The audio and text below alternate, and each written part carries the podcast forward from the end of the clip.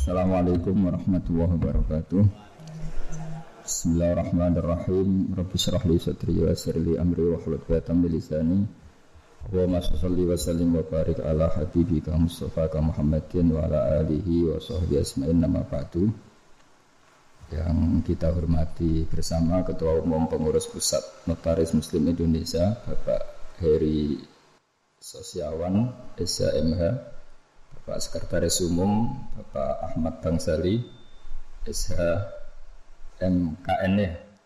Bapak Dewan Penasehat Notaris yang saya hormati Bapak Zainal Arifin yang saya hormati PLT Bupati Rembang saya hormati semua yang yang saya hormati. Uh, kita akan ngaji fikih tentang notaris. Tadi yang diceritakan Pak Arifin itu sisi baiknya tapi tadi saya bisik-bisik sama Pak Imam itu bisa nggak dipakai bodoni ya bisa kan? ya memang lembaga apa saja itu bisa dipakai nipu. Ya. Agama ya bisa dijual, kekerasan yang bisa dijual, kelemah lembutan yang bisa dijual. Jadi ibu-ibu ini yang cantik-cantik itu kalau ketemu orang tuh malah kesunatan tuh judes.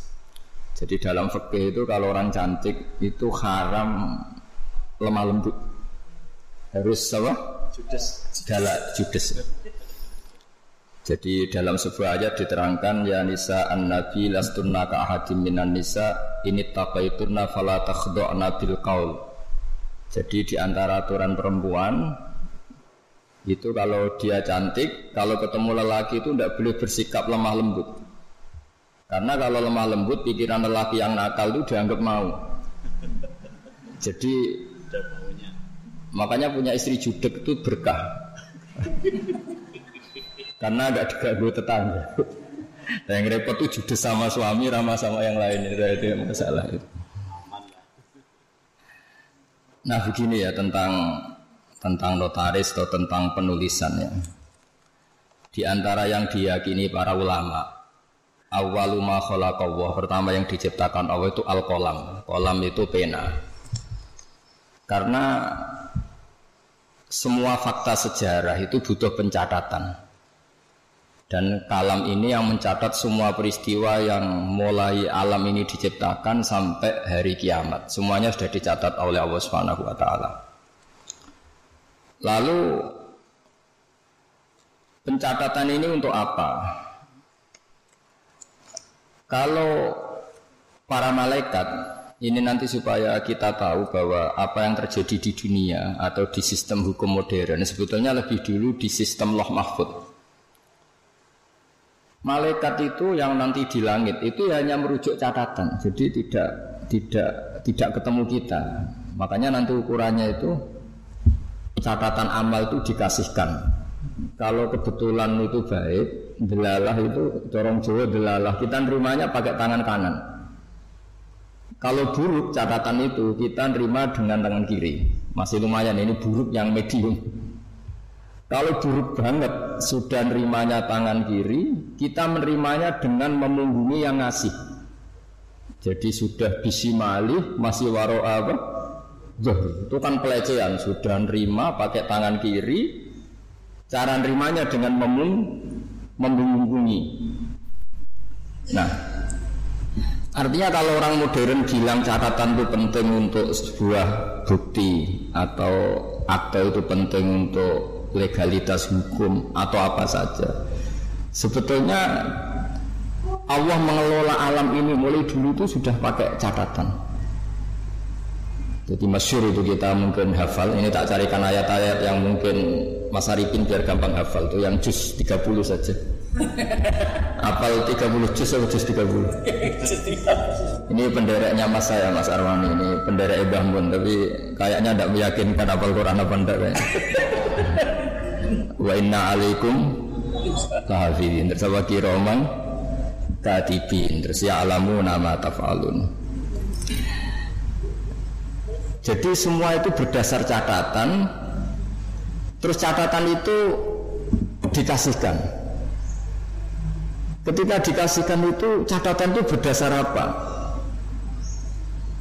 Lah saking baiknya Allah itu kalau baik ditulis 10, kalau buruk ditulis apa? Satu. Tapi banyak ulama yang mendikan begini. Untuk diterima sebagai baik itu banyak syaratnya. Misalnya sodako, materi yang diberikan harus toyibah, harus baik dari pekerjaan yang apa? Halal dengan niat yang baik yaitu ikhlas. Jadi baik itu memang ditulis 10 tapi catatannya agak banyak, aturannya agak banyak. Nah buruk itu ditulis satu tapi nggak ada catatan. Sama ndak bisa misalnya habis malam terus saya ndak dosa tadi saya ndak ikhlas itu. Ndak bisa. Habis korupsi, insya Allah korupsi saya nggak diterima Allah dan saya nggak ndak ikhlas itu. Ndak bisa. Sementara sholat itu ditulis 10 tapi untuk menjadi sah itu catatannya banyak. Ya misalnya saya ini kecelok kiai terus kalau jadi imam terus sholat nggak khusyuk kan malu. Akhirnya ya khusyuk saya ini mu'allal ada ada penyakitnya karena demi jaim nggak jaga apa? Imam. Kayak saya misalnya bupati kok gak ngomong kesejahteraan rakyat itu kan ya malu akhirnya ngomong. Apa betul hatinya gitu apa enggak ya tahu. Jadi ribet. Untuk kebaikan itu ribet. Saya kiai ngomong agama, ini demi penjelasan agama, apa profesi, apa cari keuntungan juga nggak pernah tahu. Sehingga agama ini tidak hanya ngeritik orang fasik, tapi yang ngeritik ulama. Sehingga Imam Ghazali itu ngarang ikhya, itu di antara juz-juz awal itu ngeritik ulama, itu aneh. Kenapa itu aneh? Karena uang Imam Ghazali itu ulama, kok karangannya justru ngeritik apa? Ulama. Karena agama ini datang untuk membenahi semua. Seorang lagi, agama ini datang untuk membenahi semua, termasuk membenahi sistem keulamaan. Di antaranya aturannya adalah ilmu itu harus tercatat. Jadi notaris itu nggak boleh bangga. Sebetulnya itu mengikuti tradisi tertua dalam sejarah alam raya ini awalumma khalaqallah itu al-qalam. Ya tentu di atas itu semua ada Nur Muhammad Shallallahu Alaihi Wasallam. Tapi ini kita bicara al -Qalam. Nah kenapa semuanya harus tercatat? Saya sedikit cerita.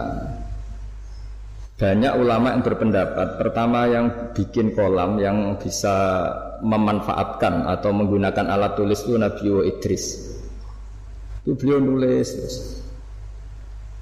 sehingga beliau itu warfa'na humatanan aliyah termasuk nabi yang punya derajat yang tinggi. Karena jasanya itu suka suka nulis. Nah, akhirnya ini saya cerita ilmu ke keahlian yang saya tekuni, keahlian apa disiplin yang saya tekuni. Ketika Rasulullah SAW masih sugeng, itu semua yang dilakukan itu dicatat. Andai kan nggak dicatat, maka kita tidak tahu mana yang dulu, mana yang belakang. Dan nanti punya efek hukum yang dulu bisa dinasah, dibatalkan oleh catatan yang lebih baru. Seperti undang-undang juga gitu, ada revisi semuanya, ada amandemen semuanya ada itu. Itu semuanya dicatat. Tapi jangan katakan catatan itu mengikat, ya tidak juga. Karena yang bohong juga banyak, sehingga dalam ilmu hadis ada hadis maudhu dipal suka. Jadi kalau notaris kok ceritanya baik semua ya Pak Arifin ya tidak mungkin hadis saja bisa dipalsu apalagi notaris aktor. Itu di Jakarta saya sering ketemu orang-orang kaya kalau cerita satu tanah sertifikatnya bisa tiga asli semua. ya kan ribet. Nah, kalau di dunia perdukunan itu semuanya bilang punya nogo sosro asli semua. Sing ahli Istanbul ya semuanya punya Istanbul, semuanya ngeklaim asli semua. Jadi catatan itu penting. Tapi kemudian validitasi tadi menurut agama itu siapa? Dulu era dulu yang dipercaya itu orang adil. Orang adil itu orang yang nggak pernah dosa besar atau tidak sering melakukan dosa kecil. Lalu dunia ini bergeser. Bergeser lebih mendengar ke saksi ahli. Ini yang mulai agak ruwet menurut agama tapi tidak menurut tidak ruwet menurut ilmu modern. Yaitu saksi itu harus orang yang ahli yang membidangi itu. Padahal ahli itu biasanya ya ahli dalam bidangnya juga ahli ngakali. Makanya dulu guyonannya Gus Dur itu terkenal itu. Ada ustadz itu agak salah itu. Ya memang salah itu. Ada wartawan dia nggak ngerti ustadz. Singkat cerita Gus ustadz itu orang suci kenapa maksiat? itu? Jawabannya Gus Dur lucu.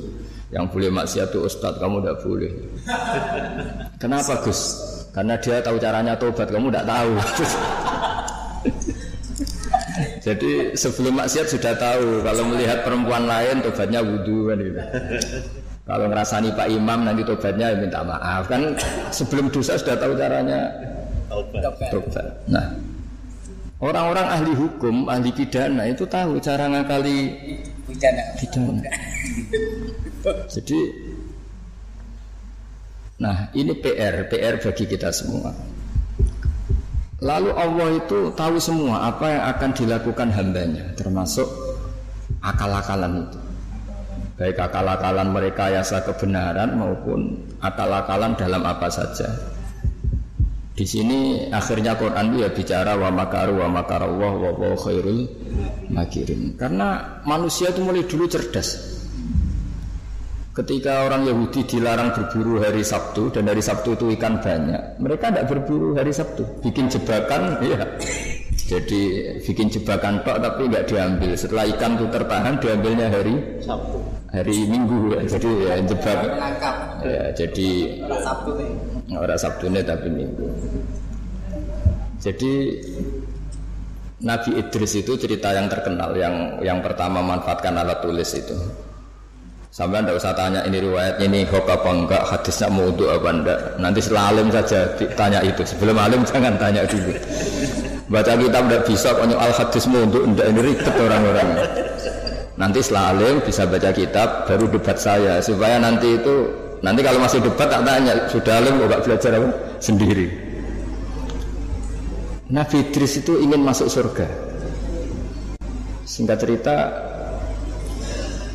dia itu berdoa ya Allah di antara anak ini cerita ini jarang saya ceritakan. Pertama ini saya cerita di, di semua ngaji baru ini saya cerita.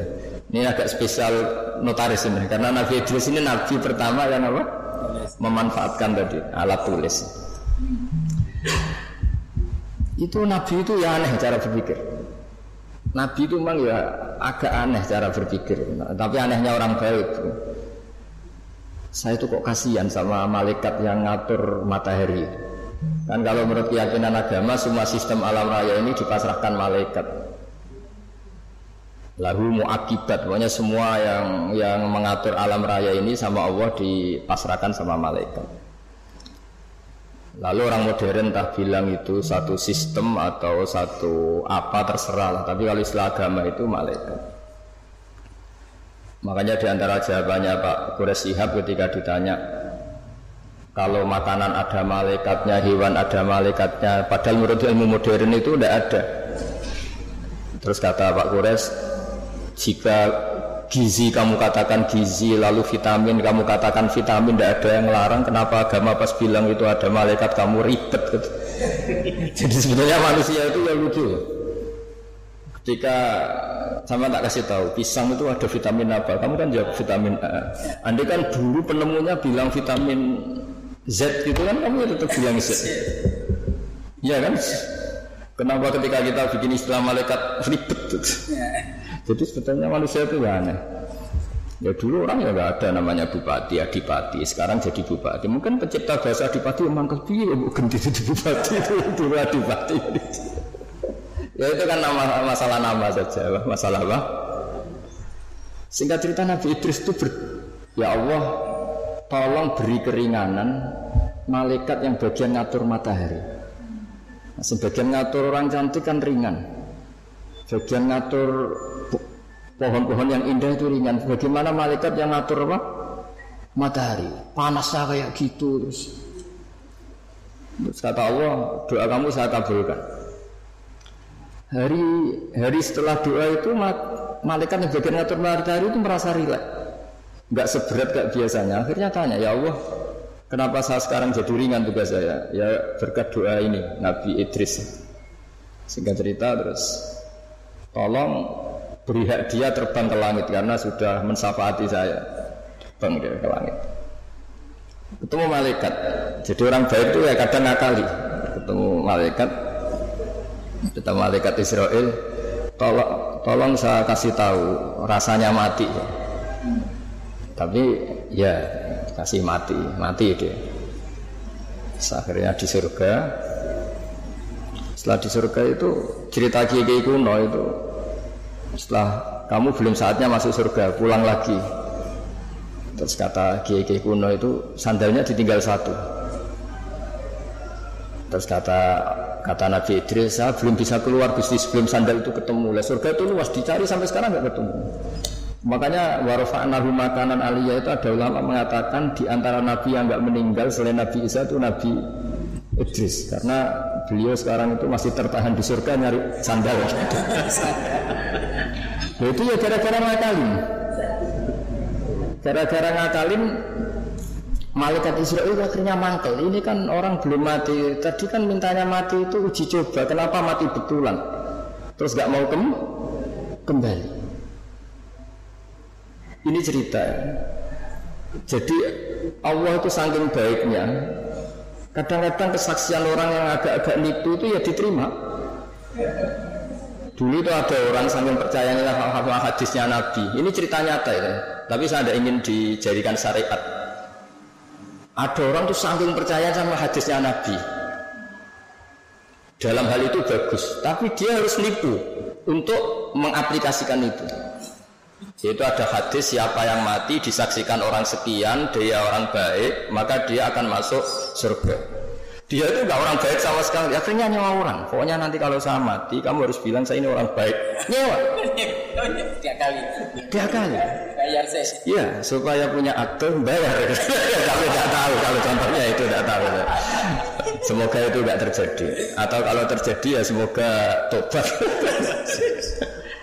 Akhirnya itu bayar betul dari rumah sampai kuburan ya orang-orang ini iya iya lah gitu. Ini orang baik ini orang baik. ya khair khair itu diampuni sama Allah. Allah bukan nilai bayar nyuapnya tapi nilai wong cek percaya nih beda beda di Nabi. Sama hati sih jadi orang itu mempunyai sisi aneh. Jadi sudah tahu kalau yang legal formal notaris ya sudah berusaha dapat notaris di satu sisi mengaku ini legal formalnya hukum harus punya akte ya. Supaya jadi dari segi ngaku itu legal formal yang diakui negara bagus, tapi dari segi cara mendapatkannya ini yang masalah kan. jadi, jadi Iya saya enak ya, ya, enggak ini cerita aja. Saya ini tidak termasuk dia yang bisa disuap. Artinya kalau mau ngomong ya ngomong aja. Terus diundang notaris, terus muji-muji terus ya enggak, itu mari tidak adil gitu ya biasa. Jadi sama Allah dimaafkan. Bukan nilai apa tadi? Uangnya. Uangnya, tapi nilai dia percaya. Sama. Sama bahwa yang disaksikan orang sekian tuh masuk surga. Jadi kita tidak pernah tahu cara pandang Allah. Dan ini harapan ya bagi kita semua yang sering salah. Mungkin tidak sekedar pernah salah. Saya ini sudah jujur sering salah. Sehingga di teks hadis mangkulu bani Adam khotoun wa khairul khotoin at-tawabun. Setiap dari bani Adam itu sering salah. Khoto itu bukan khotik. Kalau bahasa Arab itu ghafir itu mengampuni. Kalau ghafar sering ngampuni. Wahib itu pemberi. Kalau wahab sering memberi. Kayak kalau bahasa Arab itu kalau diikutkan wazan faal itu mubalaghah. Masih ingat? Masih maju masih. Ini masih. Ya, masih maju dia. Jadi itu kadang-kadang hubungan manusia dengan Allah itu kita tidak pernah tahu. Dan Allah itu unik. Kadang itu kalau dicatut itu kadang ya suka, kadang ya tidak suka. Kita tidak pernah tahu karena Allah itu ya faluma biasa.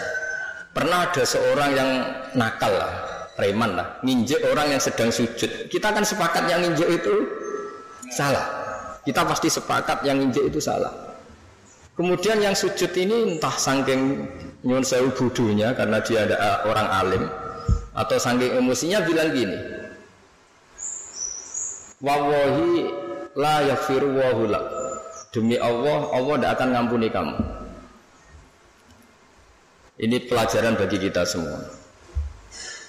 Terus Allah mewahyukan ini ada di Sahih Muslim. Allah mewahyukan sama Nabi di era itu. Kulli fulan itu. Katakan pada fulan itu yang sujud, yang soleh ini. Man dzalladzi yata'alla alayya alla li fulan. Beritahu orang yang sujud ini, yang soleh ini, kenapa dia mencatat nama saya hanya satu, sepihak? Saya ini Tuhan loh. Bisa aghfir, bisa uadib. Saya ini bisa memaafkan, bisa menyiksa. Kenapa sifat saya yang diceritakan hanya saya pasti menyiksa? Ini tidak fair kata Allah.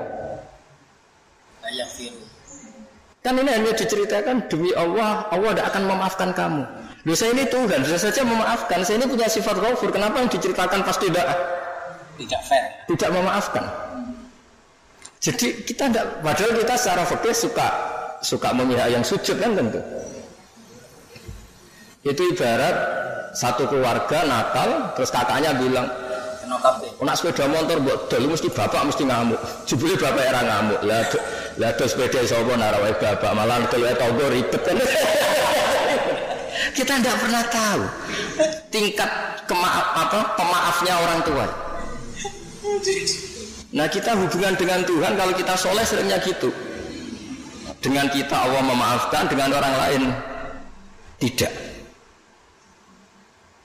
Tidak bisa seperti itu. Allah tetap punya sifat dua. Diulang-ulang itu. Ya lima yasa wa yu'adzibu. Tapi inginnya kita sama orang lain, apalagi itu musuh kita, Allah yu'adzibu mayasa. Tapi dengan kita, ya Jadi Allah itu kita atur. Kan? Itu tidak boleh. Allah tetap ya ma yasa. Jadi bisa saja saya nanti masuknya surga itu dulu Pak Imam saja, meskipun hanya PLT Bupati bisa saja. Karena Allah ya falu, masa boleh saja. Tapi ya boleh juga kalau dia dahulu saya diusir lagi ya boleh saja kan. Tapi yang jelas itu Allah nggak suka dicabut sepihak itu nggak suka. Nah sehingga maksud saya ngaji di sini. Ketika kita sudah punya legal formal akte misalnya, jangan lalu melupakan bisa saja fakta sebenarnya tidak seperti itu. Karena tidak gampang. Legal formal mewakili fakta itu tidak gampang. Saya cerita sedikit ini sekaligus peringatan bagi semua yang nangani hukum lah atau legal formal. Saya juga pernah didolani dirjen Kemenhum. Saya sering cerita dulu ada orang bercekcok di depan Nabi, dua orang. Itu Nabi cara ngendikan tuh hati-hati sekali. Fala Allah ba'dokum alhana min ba'din. Mungkin di antara kamu ada yang lebih fasih berargumentasi. Faat dia kemudian saya putuskan sesuai argumentasi yang saya dengar karena lebih meyakinkan. Akhirnya saya menangkan. Tapi ketika saya menangkan dan dia ternyata salah, sebetulnya saya hanya ngasih dia neraka. Maka bertobatlah orang yang berpinter orga, apa, argumentasi. Jadi kan data itu ya bisa dipalsukan, argumentasi bisa dikondisikan, apa saja bisa. Jadi Nabi yang Nabi saja ketika bikin keputusan tentang sengketa-sengketa sosial, Nabi kalau ngendikan fala Allah ba'dakum alhan alhan itu lebih fasih berargumentasi sehingga saya putuskan sesuai data yang diberikan ke saya. Tapi ketika data itu palsu atau enggak benar, sebetulnya saya hanya ngasih dia neraka. Dan data ini banyak ribet. Ini saya cerita sesuai bidang saya. Nanti yang di notaris atau di kehakiman atau apa saja bisa mengkiaskan atau orang tua atau apa. Data itu membingungkan. Makanya dulu di antara cerita yang disebut Quran antara Nabi Dawud sama Nabi Sulaiman. Nabi Dawud itu orang soleh. Mulai dhisik nek wong soleh kon mikir teman-teman itu rapati iso. Perkarane iku pikirane donya wis pilih buan ngono. Dadi wong soleh nek dadi pemimpin rada ribet. Nanti kira-kira bupati mbek kula ya saleh kula wong mimpin iku ribet wong saleh iku mergo cara wong saleh iku donya iku sepele buan PPN barang napa wae. Tapi nak wong rapati saleh kan iman. Jadi penting ra saleh itu kadang ya penting. Singkat cerita itu ono isu ya. Ono isu itu wong ayu tapi stres. Diperkosa wong papat. Walhasil akhirnya hamil hamil dilaporkan ke Nabi Dawud. Nabi Dawud barang dilapuri sing empat ini termasuk tokoh. Rasa diterusno tokoh agama nanti keliru nanti geger. Pokoknya tokoh lah. Ya tak aja muni tokoh birokrasi kok banyak tersinggung. Pokoknya tokoh. malak itu tok orang terpandang. Singkat cerita Nabi Dawud dilapuri, paling dihamili anjing. Yang empat orang itu bilang gitu. Nabi Dawud, ya namanya orang soleh, ya. Daripada mengkasuskan orang yang enggak kasus, ya diam aja. Setelah keputusan itu kelar, Nabi Sulaiman masih umur 13 tahun di situ. Kalau saya hakimnya, maka akan saya putuskan tidak seperti yang diputuskan bapak saya. Padahal Sulaiman itu bin Dawud. Terus kata Nabi Dawud, ya sudah kamu gelar pengadilan lagi, kamu hakimnya. Jadi dulu itu biasa anak sama bapak beda itu biasa. Kalau urusan ilmu biasa. Kalau sekarang ada anak beda gegernya itu biasa deh.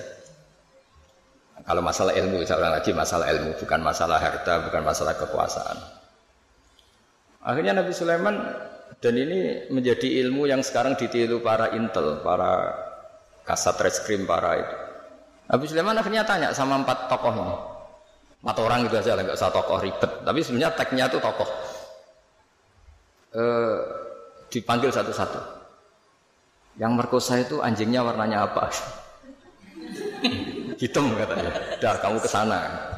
Yang kedua ditanya, warnanya apa? Merah. Padahal empat orang itu ketika di depan Nabi Dawud empat-empatnya bersaksi bahwa itu diperkosa anjing. Semuanya menyaksikan. Nabi Dawud memutuskan ya sudah anjing gitu. Nabi Dawud tidak mau ribet. Berarti sudah merah, hitam, putih. Tidak tahu yang keempat jawab ungu apa gak ada anjing. Pokoknya empat ini warnanya beda-beda. Setelah setelah satu-satu terus dikonfrontasi bareng. Kamu tadi bilang apa? hitam. Kamu tadi bilang apa? Merah. Kamu tadi bilang apa? Putih. Katanya menyaksikan bareng. Kenapa anjingnya jadi beda-beda? Berarti kamu bersekongkol bohong ya? Wah, akhirnya ngaku. Ngaku kalau keempat ini yang yang tadi yang merkosa. Jadi apa ya? Menghakimi itu tidak gampang. Sehingga di Quran itu kalau Allah muji Nabi Daud, itu hanya dipuji kebaikannya di antaranya inna sakharna ma'hul jibala yusabbihna seterusnya tapi ketika masalah hukum kata Allah fafahamnaha Sulaiman wa kullan atayna hukmau wa ilma jadi kalau masalah kecerdasan memberi hukum itu kata Allah fafahamnaha Sulaiman cerdas anak begitu juga ketika ada mbak sama adik punya anak sama-sama punya anak anak itu kalau kecil kan wajahnya mirip-mirip Apalagi saudara ya, anaknya mbak sama adik. Singkat cerita, di tengah hutan itu dimakan oleh serigala. Ya kalau sama-sama cantik, anaknya kan mirip-mirip karena bersaudara. Nah, sing situ Afrika, situ Indonesia kan ini sekarang video. Ini kan sama-sama satu klan yang sama, satu marga. Setelah dilaporkan Nabi Dawud, beliau memutuskan sesuai yang meyakinkan argumentasinya diputuskan ya sudah yang hidup ini milik kamu misalnya menang adiknya ya sudah karena kebetulan yang sebetulnya punya bayi tadi tidak bisa berargumen akhirnya Nabi Sulaiman ya sama kalau saya hakimnya tidak saya putuskan seperti itu ya Nabi Dawud ya fair silahkan gelar apa pengadilan lagi digelar Kata Nabi Sulaiman, ambilkan sapeso. Daripada dua bersaudara ini bersengketa, bayinya dipotong dua ya. Dibagi katanya. Ini yang mbaknya ini yang tadi kalah itu langsung spontan tidak ada, itu tidak bayi saya, silahkan dikasihkan adik saya. Sing adiknya tenang saja. Terus adiknya ditanya, kenapa kamu tenang saja? Kalau adiknya harus dibagi, dibagi. Akhirnya dimenangkan mbaknya. Pikirannya Nabi Sulaiman, membiarkan bayi dipotong dua itu tidak naluri seorang ibu. Mesti jadi kira bener. Sing sing mbaknya karena ingin bayi ini nggak dipotong sampai rela dikasihkan orang lain. Sementing bayi saya hidup. Ini naluri seorang ibu. Nah, ini kepintaran Sulaiman. Jadi dia memanfaatkan psikologi untuk memutuskan siapa yang Sebetulnya di notaris, di kehakiman bisa pakai teori itu. Ono wong kok oleh ngajak no permohonan bulat bulat terus. Jadi itu alamat terus. Karena kata Nabi itu semua riwayat mengatakan al haqqu sahlun. Kebenaran itu nyaman. Bawaannya kebenaran itu nyaman. Ditanyakan tetangga-tetangga yaitu miliknya, ditetanggakan kerabatnya yaitu miliknya. Tapi kalau barang nggak benar itu mesti mubang, mubang. Kan harus ngambil data-data yang yang nggak valid divalid validkan yang atas. Sebenarnya kalau barang hak itu pasti gampang. Tapi masalahnya selalu ada orang yang pinter berargumen. Nah, makanya terus ada aturan tadi eh, al bayinatu alal muddai. Jadi muddai itu harus muddai itu orang yang mengklaim itu harus lebih punya apa Buk, bukti. Tapi lagi-lagi ini masalah-masalah yang kita kita di zaman akhir. Itu kemudian ada profesi yang kadang-kadang nyuwun sewu keahlian itu lebih dipercaya ketimbang kesolehan. Saya itu kalau boleh komplain itu ya komplain tapi SKBU tedir. Misalnya ini contoh ya yang terkait kita ya, terkait kita nekuni agama. Kita ini tentu suka bila orang soleh itu suka. Kalau saya nuruti hiroh dinia itu bila orang soleh itu suka. Tapi kita juga harus tunduk sama sifatnya Allah Ta'ala itu wa yaghfiru yasa. Juga kita harus tunduk bahwa Allah bisa saja mentobati siapa saja, kapan saja. Jika Nabi itu kalau disuruh masuk mau munafik itu ya nggak mau. Bisa saja Allah itu arodawahu bi khairan entah kapan. Kayak apa bencinya Nabi sama Wahsi? Karena membunuh orang paling dicintai Nabi itu Kotilu Hamzah. Tapi malah Wahsi dikasih apa? Tobat sama Allah. Makanya kata Imam Ghazali berapa orang sing sabdal ambia akhirnya yatubu alaihim. Itu yang akhirnya iman sama Nabi itu dulu orang-orang yang pernah ingin bunuh Nabi. Iya, Abu Sofyan itu yang mimpin perang Uhud Abu Sofyan, mimpin perang Badar Abu Sofyan. Tapi akhirnya tobat jadi mertuanya Nabi. Sehingga kita ini atas nama agama juga ininya bila orang soleh mati-matian. Tapi atas nama agama juga memberi harapan kepada orang yang sedang fase karena banyak cerita mereka itu toh tobat. Sehingga kalau kita atas nama ilmu ya sudah mengikuti cara Allah ngendikan. Misalnya lihat zawu sadiqina bisidqihim wa yu'adzibal munafiqina ya insa au yatuba. Ya sudah kita harus ngomong dua kali. Allah menyiksa orang munafik itu ya insa kalau Allah ingin. Allah tuba atau Allah memberi tobat. Jangan karena kita marah seakan-akan orang itu pasti kena siksa. Tidak mesti juga. Bisa saja Allah ngasih ngasih ampunan. Makanya ada dua hadis terkenal dalam hal ini. Yang satu Nabi pernah ngendikan al-qatil wal maktul finnar. Yang bunuh maupun yang dibunuh sama-sama di neraka. Sahabat komplain, Hada al qatil, fama balil maktul. Oke, kalau pembunuh di neraka masuk akal ya Rasulullah. Kalau yang dibunuh kenapa harus di neraka? Jawab Nabi itu unik. Yang dibunuh itu sebetulnya masalah nasib saja, mentalnya tetap pembunuh. Sehingga dia harus tetap di ketika orang duel sama-sama pakai pedang, semua mentalnya apa? Pembunuh. Mentalnya sama-sama cuma inisial mati, tapi mentalnya tetap pembunuh. Sehingga dengan dihitung niatnya ini ya sama-sama harus di neraka. Al-qatil wal maktul Tapi Nabi pernah ngetikan juga suatu saat sange rahmatnya Allah, al-qatil wal maktul sama-sama happy di surga. Sama-sama senang di surga. Hada yaktulu hada fayatubu hada ya akhirnya ketemu di surga ya tadi. Sayyid Hamzah karena dibunuh Wahsi, beliau syahid langsung surga. Wahsi karena tobat dan mengkafaroi membunuh Musailamah al-Kadzab juga di surga. Semuanya mungkin karena Allah ya ma yasa. Dan Allah yaghfiru lima yasa wa yu'adzibu yasa. Nah di sini kenapa banyak kiai kiai alim itu tidak tegas. Kata orang yang nggak pinter, kiai NU ora tegas. Saja nih kok kok perkara tegas ora tegas. Yo pancen ngaji, ya, untuk ngaji wis wis ngene iki. Jadi bukan urusan tegas tidak tegas, pancen untuk ngaji kabeh ora mes sehingga sing soleh pun berdoa mati-matian supaya husnul khotim. Kita mungkin saudaranya itu lima. Ternyata mungkin di antara mereka ada yang cara mendapatkannya itu coro Jawa menang-menangan. Ya kan kita tidak pernah tahu.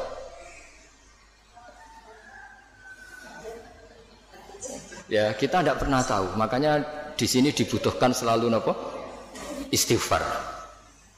Ya saya ulang lagi ya. Jadi kita ini tidak pernah tahu. Jangan-jangan yang kita miliki itu ada kecampuran-kecampuran hak orang lain. Karena kita tidak pernah tahu. Meskipun sekarang legal formalnya kita punya sertifikat, punya seperti ini contoh. Mungkin ini banyak yang tersinggung, tapi ini hukum tetap saya beritahu.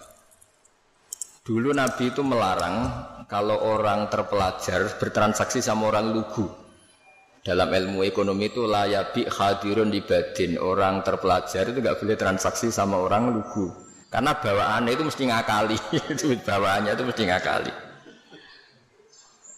Terus naha Rasulullah antalakir rubban. Nabi itu melarang secara ekonomi penjual dari kampung-kampung itu dicegat sebelum masuk pasar. Jadi Nabi inginnya orang yang bawa sapi itu sampai ke pasar sapi supaya ngerti harga pasar. Tapi kadang-kadang tengkulak itu suka dicegat di perjalanan apalagi dulu belum ada internet, belum ada HP, Terus orang dicegat ngertinya yaitu sudah harga terbaik. Padahal itu harga paling mu, murah. Itu sehingga nah Rasulullah antala keruban. Terus di kitab Fathul Mu'in, ini dengerin semua maklar-maklar ini supaya tobat. Di Fathul Mu'in itu walayasihu bi'ul fuduli. Jual belinya maklar itu enggak sah. Di kitab Mu'in.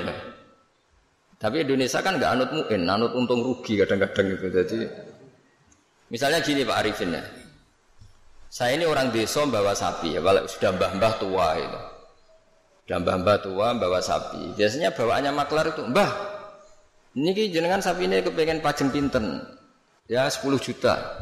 Oh mbah 10 juta. Biasanya mbah tua itu dilungguh noning warung kon ngopi. Dibiayai paling 5000 kan kopi. 5000. Terus si Pak Arifin tadi jual sapi itu di pasar. Kalau laku 11 juta ya dijual, baik mau dikasih 10 juta. Tapi kalau lakunya hanya 9, gak ngangkat bah dibalik nomennya. Mau rugi 5 ribu. Nah pertanyaannya gini, ketika nyata-nyata ter, ketika nyata-nyata laku 11 juta, uang 11 juta itu imbalannya sapi apa imbalan omongannya Pak Arifin? Harga sapi apa harga eh, apa? Enggak, sapi itu masih milik siapa coba? Mbah itu. Berarti uang 11 juta itu milik siapa? Mbah itu. Tapi kamu ikhlas enggak nyetorkan 11 juta? Mana man? Cari ini. juta berarti ini. Mesti Mbah mau kan sampean kepengen 10 juta itu 10 juta. Pertanyaannya tetap saja secara fakir 11 juta itu semuanya milik Mbah tadi. Karena yang kamu jual masih Nah, sebetulnya ada cara supaya halal. Mbak Sapim tak utang. Berarti kalau diutang nanti ketika payu 11 juta ya kamu ya gak masalah kan kan posisinya Mbah sapimu payu dol piro 10 juta. Oke, 10 juta tak utang Mbah ya. Berarti payu 11 juta kamu bayar 10 juta. Tapi resiko nak payu wolong juta, kamu tetap bayar 10 juta. Tapi kalau selama akadnya maklar, itu yang kamu jual tetap milik mbah itu dan berapapun harganya uang itu ya milik mbah itu karena asaman fi muqabalatil mabi harga ini tetap harga barang yang dijual sementara itu masih milik mbah tadi. Jadi Nah saya tidak tahu apa mazhab lain membolehkan itu ndak, tapi tetap normalnya itu ribet. Jadi makanya Nabi itu dulu tuh nggak suka kalau ada orang lugu-lugu dagangan ke pinter nggak suka sampai Nabi ngintikan ya bi hadirun di badin hadirun orang kota badin itu wong bedui saking inginnya itu nah artinya mungkin di notaris di kejahakiman di kejaksaan itu Ojo sampai lawang terpelajar berperkara ambek wong lugu aneh iki iki bodoni iki dibodoni kan. Apa juga kita harus pakai hukum seperti itu? Potongannya kok lugu wong pinter. Sik mbah ora babak kok sik golek golek sing babak. Jadi jadi ini kebenaran saya itu memang ingin mengungkapkan ya. Jadi cobalah perbaiki perilaku kita. Jangan sampai ada pembodohan dalam perdagangan maupun dalam pendidikan. Dulu ketika kita komplain sama sistem pendidikan nasional, kenapa sering ada regulasi juga gitu. Masa yang di NTT sama daerah-daerah terbelakang standar nasionalnya disamakan yang di Jakarta, kan nggak boleh. Sama sebenarnya di perdagangan juga gitu. Masa orang pinter boleh pulak barang di daerah-daerah yang terpencil mesti bawaannya juga ngakalin gitu. Jadi cuma ya gimana ya kita seperti itu mau cuma ini cerita ngaji. Kamu ngelakoni nge monggo buatan nge istighfar supaya ini kan. Cuma saya harus ngomong supaya orang itu ngerti lah sebenarnya agama ini menata semua Soal kita tidak bisa melakukan itu ya kita istighfar. Tapi agama ini sudah mengatur semua supaya sistem ini supaya mengayomi. Kan kulo nu angger ana wong desa ngoten. Kadang-kadang kulo kan kecelok kiai gede lah. Kadang-kadang wong ya kepengin Gus kulo nu di tanah sak menten teng daerah niki dol Gus regane murah. Ayo mending Sampeyan es pinter wae dagangan ribet pinter. Dan nak sampean butuh duit tenan nulung malah rapopo gak ribet sanggup ae hibah kayak kean mergo ribet. Ya saiki ora ngomong di duit itu seneng wong desa tetep goblok. Dan tetep kena di akal. Makanya kadang-kadang nyuwun sewu dinas pariwisata barang gak harus istighfar. Mesti istighfar itu gini, kadang-kadang nyuwun sewu juga yang wisata. Yang wisata nak ditakoki, kenapa kamu suka main di daerah ini? Saya seneng, masyarakatnya masih tradisional. Wah, saja adol serabi isu-isu. Mereka mereka ini bangsa kita yang juga ingin maju, tapi sing tukang wisata seneng nak mereka tetap desa jadi gue tontonan, bukan gue objek. Kita ini katanya mau mengentaskan dari yang nggak terpelajar menjadi terpelajar. Nah, kadang-kadang manusia pedalaman yang jauh tinggal tontonan, manusia pohon tinggal. Udahlah, kiai ya istighfar, saya sebagai ulama juga istighfar, semuanya istighfar. Bahkan Nabi yang sempurna, yang maksum, yang nggak pernah salah pun menganjurkan semua orang itu harus tetap istighfar. Tapi kamu misalnya benci dinas pariwisata ya keliru-kelirunya tadi. Awal mereka terakses oleh publik ya gara-gara ini. Dan barokahnya terakses ini suatu saat anak-anak pedalaman ini akhirnya terpelah. Kita tidak pernah tahu hikmahnya. Jadi pokoknya semuanya terus butuh istighfar. Nggak bisa ndak. Ya misalnya secara legal formal, Pak Imam ini PLT Bupati Rembang, mimpin Rembang. Tapi secara hukumnya Allah misalnya, jangan-jangan kamu pimpin tuh wali, orang wali mimpin wali kan ya kurang ajar misalnya. Jadi hukum ya semua hukum ya ribet kan menurut hukum tuh. Tapi ya sudah kita kita ya ikhlas wae dipimpin panjang ini aturan dunia gitu. Banyak kalau nanti guyon Pak Ganjar, Dinanteng dunia mimpin kulo sonan yang akhirat gentenan. Karena memang harus seperti itu. Karena jogeman ulama juga wali dari seneng dunia dipimpin yang akhirat dipimpin menang ribet. Jadi kudu gentenan oh. Gantian. Nah ini pelajaran bagi kita. Jadi di antara keinginan Rasulullah Shallallahu Alaihi Wasallam itu orang-orang yang tertinggal itu sampai masuk pasar Parifin supaya ngerti harga pasar sehingga mereka terpelajar. Sama lihat di bab di Sahih Muslim atau Bukhari itu betapa Rasulullah itu di bab B itu diulang-ulang itu. Nah Rasulullah antalakir rubban layabi hadirun libadin. Tapi ini orang sudah mulai lupa, malah seneng kalau ada orang-orang lugu seneng.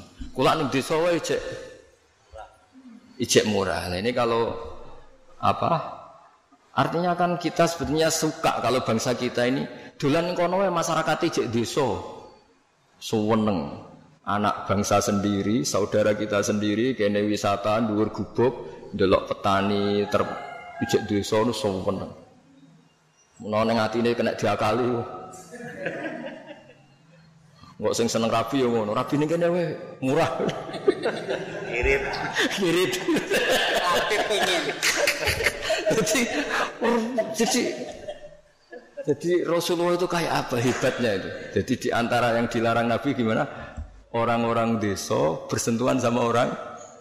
Tapi yang dilarang orang kotanya karena ini yang dianggap subjek.